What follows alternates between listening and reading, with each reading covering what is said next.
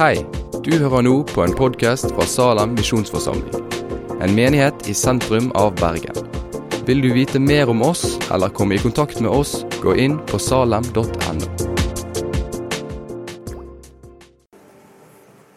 Ehm, Det ble sagt at vi ikke har lyst til å lage en karismatisk menighet. Eh, Jeg er litt uenig. Fordi vi er nødt til å ta det begrepet tilbake.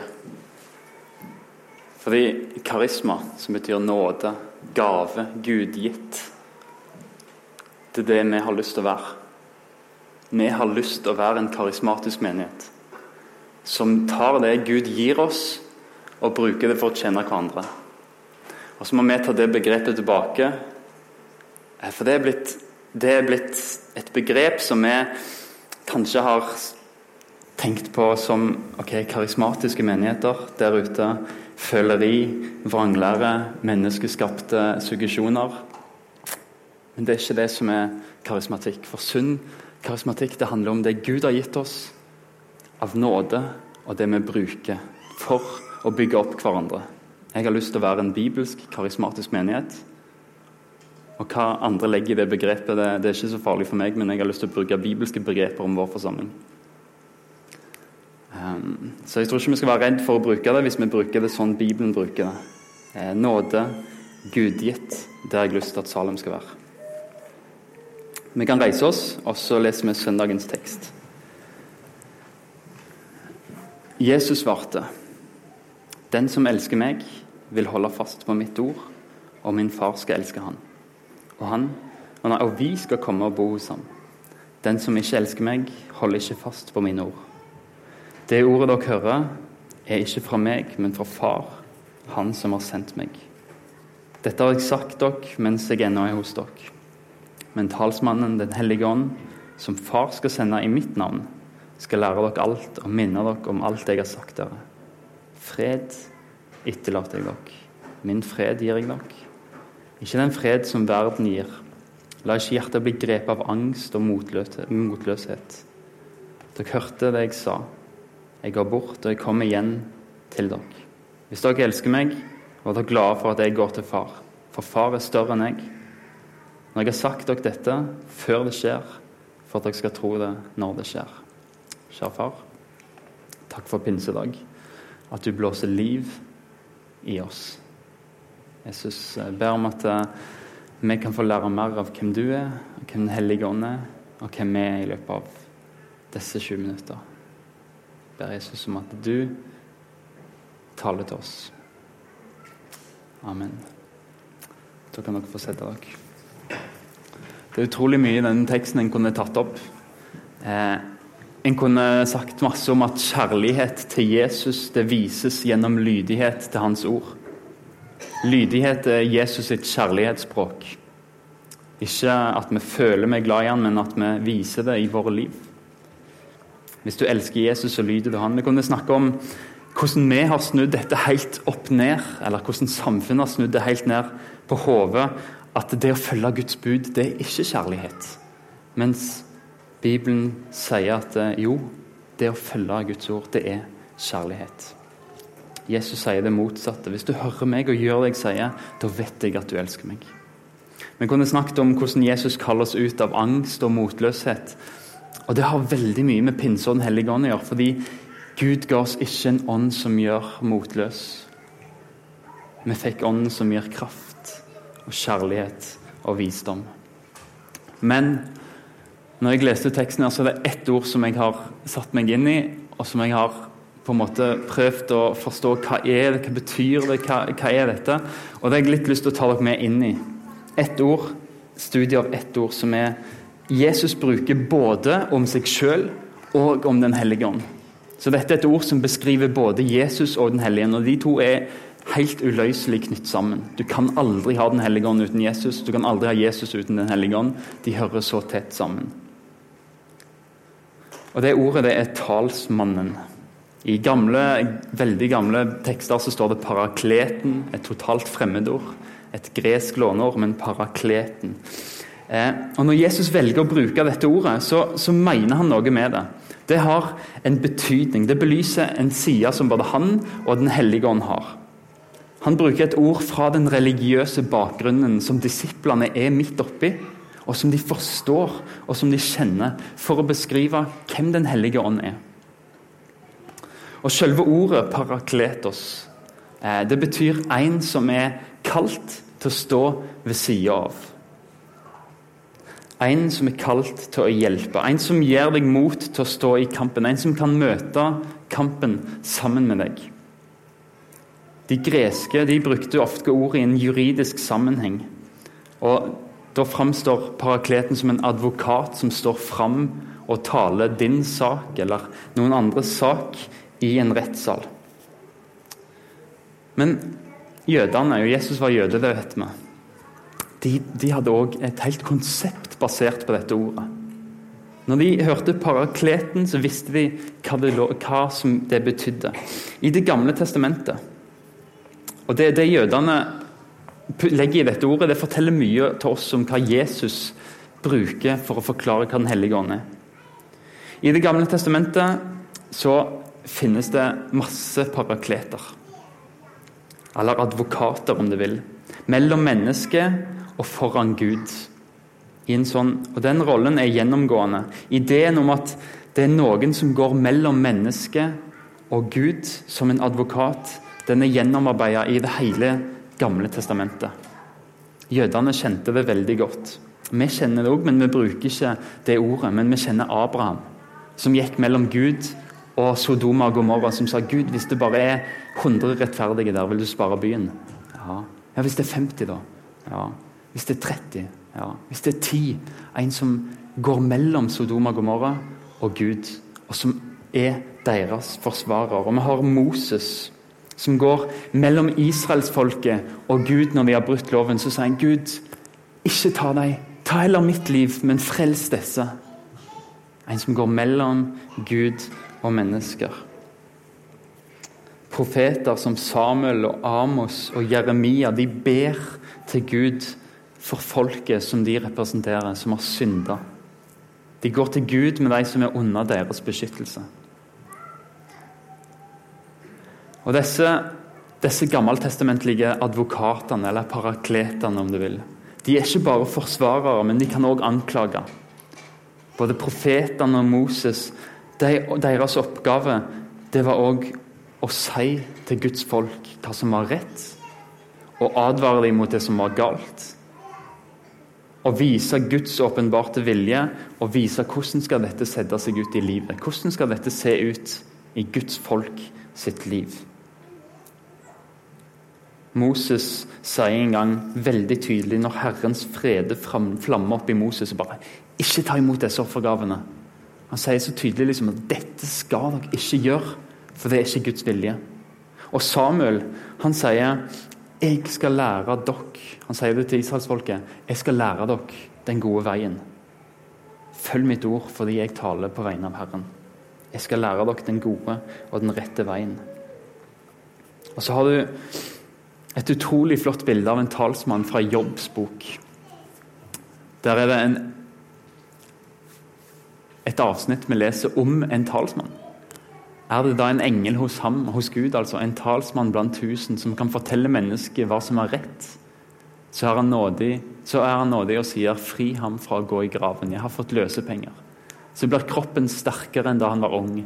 Han får ungdommens dager tilbake. Han ber til Gud, som gleder seg over ham. Med fryd ser han Guds ansikt, han som lar mennesket få igjen sin rettferd. Han ser på mennesker og sier 'jeg syndet'. Jeg krenket retten, men han gjengjeldte det ikke. Han fridde meg fra å gå i graven. Jeg lever og ser lyset. Se, alt dette gjør Gud for mennesket både to og tre ganger. Han fører det opp av graven til strålende lys hos de levende. Så det er en talsmann som står foran Gud, og som forsvarer mennesker som er hans folk for Gud. Et nydelig bilde på en som er mellom Gud og mennesker. En som står ved Jobbs side som en forsvarer når Satan anklager han.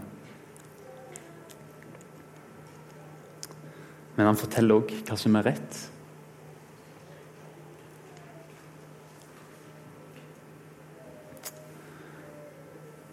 I Sakaias bok kan vi også lese om en sånn engel som fungerer som en forbeder. En som ser at Josva er skitten og syndig, og så sier engelen ta av han de skitne klærne og gi han noen rene klær. Og Så står anklageren og anklager, men engelen sier nei. For nå skal han ha rene klær og turban, for Gud har rensa han.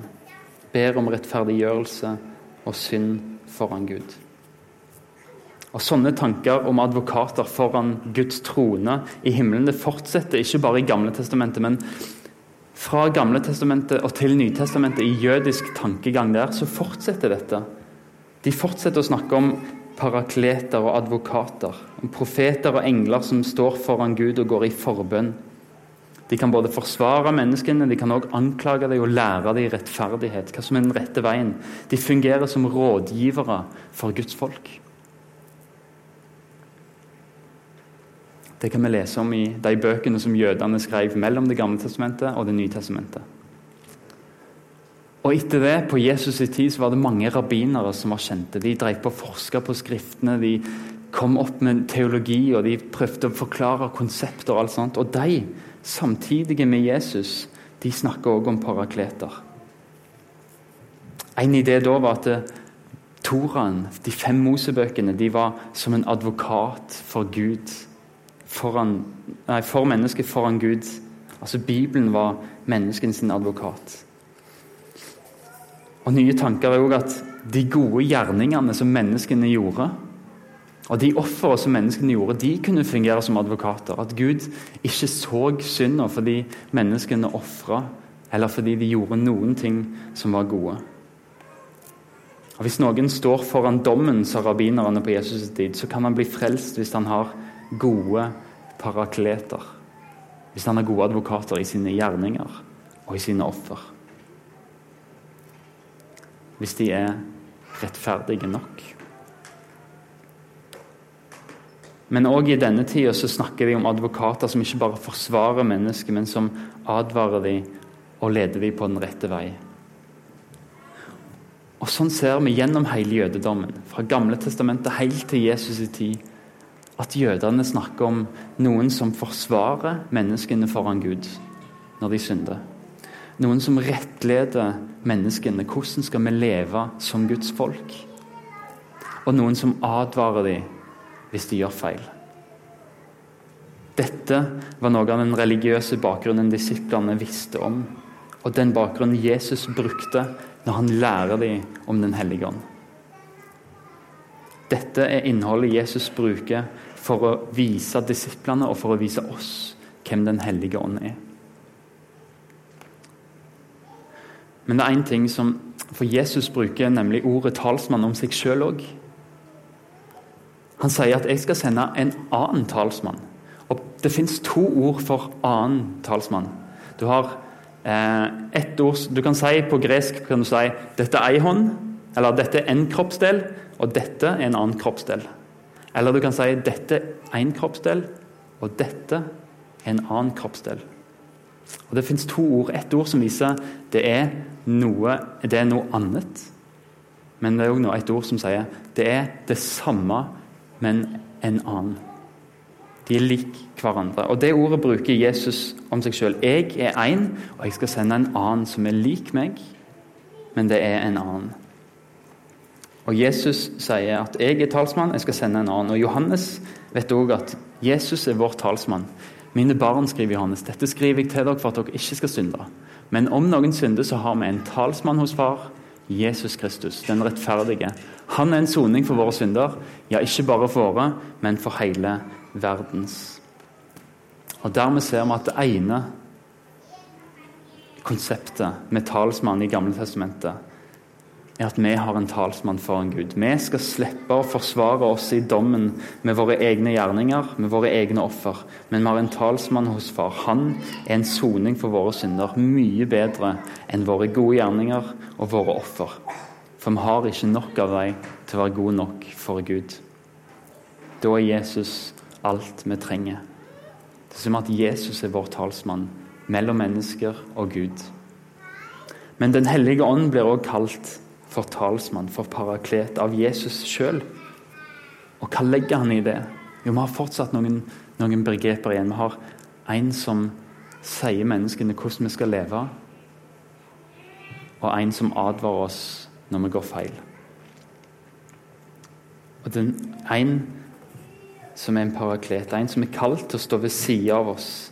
En rådgiver i møte med verden, en hjelper, en advokat. Og der er Den hellige ånd. Den hellige ånd er en som lærer de troende å leve på Guds vei. Pensum er alle ting. Og læremåten er at han skal minne oss om alt det Jesus har sagt. Når talsmannen kommer, så, skal fra, så jeg skal sende dere fra far. Da skal han vitne om meg. Men når sannhetens ånd kommer, da skal han veilede dere til hele sannheten. For han skal ikke tale ut fra seg sjøl, men si det han hører, og gjør kjent for dere det som skal komme. Den hellige ånd, talsmannen, skal gå i rette med oss og lære oss hva som er synd, og hva som er rettferdighet, og hva som er dom. Som profetene så både advarer han og rettlede oss og lære oss Guds vei.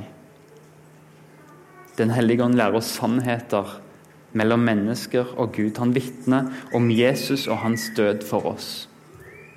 Men han lærer oss òg sannheter om å være menneske i verden.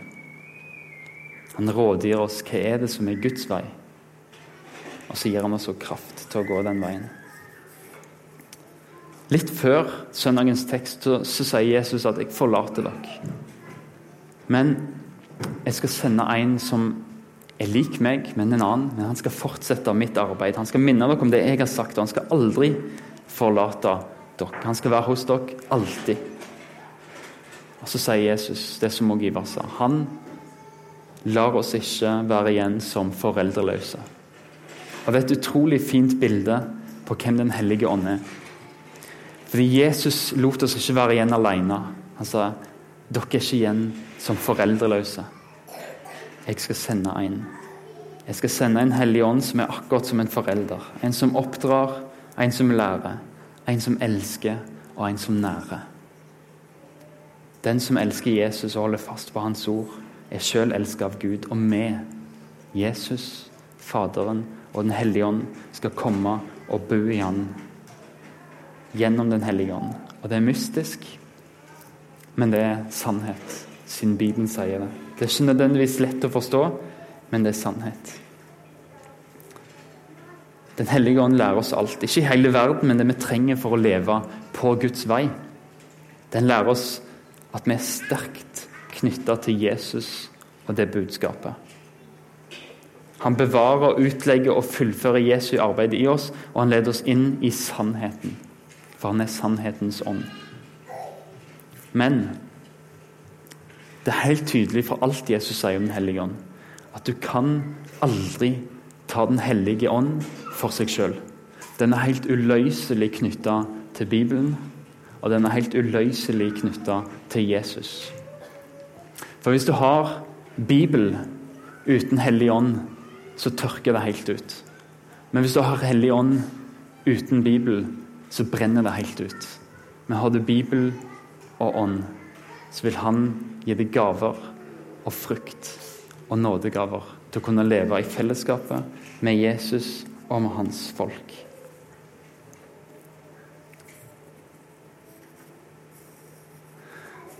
Læren om Den hellige ånd den er langt ifra ferdig når du bare sitter på ett begrep og talsmann. Det fins utrolig mye mer. Og talsmannen det er et ord som bare brukes hos Johannes. Det er kun han som bruker det ordet. Men, men vi ser konseptet. Paulus kjenner igjen at de troende ofte kjenner i bønn, kjemper i bønn. Og da kan ånden komme som en talsmann når vi kjemper i bønn. På samme måte kommer også Ånden oss til hjelp i vår svakhet. For vi vet ikke hva vi skal be om for å be rett, men Ånden selv går i forbønn for oss med sukk uten ord. Og Han som gransker hjertene, vet hva Ånden vil, for Ånden ber for de hellige etter Guds vilje. Ånden er vår talsmann, som kommer til hjelp i vår svakhet. Og Jesus lovde også sine disipler det, at når vi sto foran makter og myndigheter for å forsvare troen vår, så skulle Ånden gi oss ord i rette tid. For det var ikke de som skulle tale, men Den hellige ånd. Og så er det ett et vers til som jeg har pleid å knytte til, til Jesus. og det, det, er kanskje rett. Men jeg tror det er rett å knytte det til Den hellige ånd. Fordi Hellige Ånd er akkurat som gartneren, som er en talsmann for fikentreet som ikke bar frukt. Eieren ville hogge det ned, fordi nå var det gått tre år uten at det bar frukt i det hele tatt. Og vi kan kjenne oss igjen i det. Det har gått lang tid før vi Eller det har gått lang tid siden vi var i berørelse med vår nådegave, kanskje. Men så sier talsmannen for det treet, eller gartneren, eller Helligånden om du vil, Gud, kan jeg få lov til å pleie det? Kan jeg få lov til å grave rundt og gi det næring?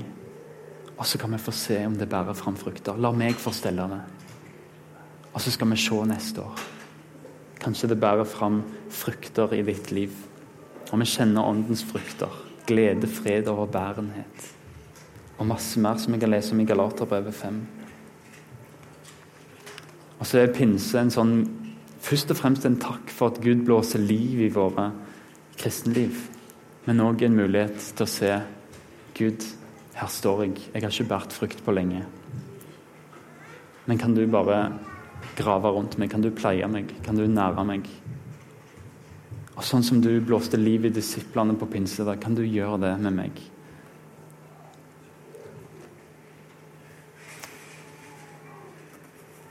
Tom skal avslutte der. Kjære far. Takk for at du er vår talsmann, Jesus. At du er en soning for alle våre synder.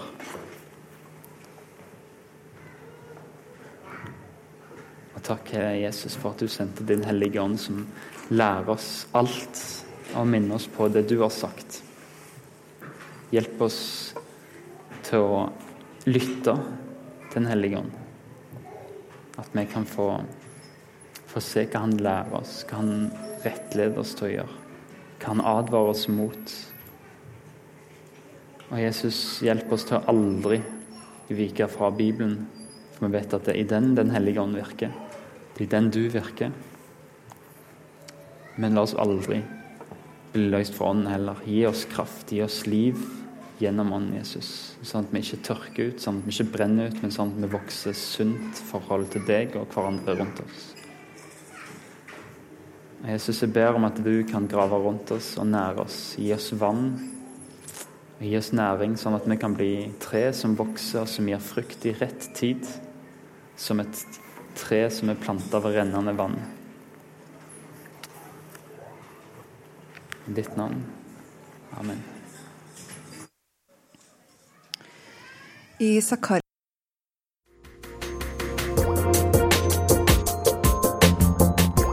Takk for at du har hørt på podkasten fra Salem, Bergen. I Salem vil vi vokse i et stadig dypere fellesskap med Gud og med hverandre.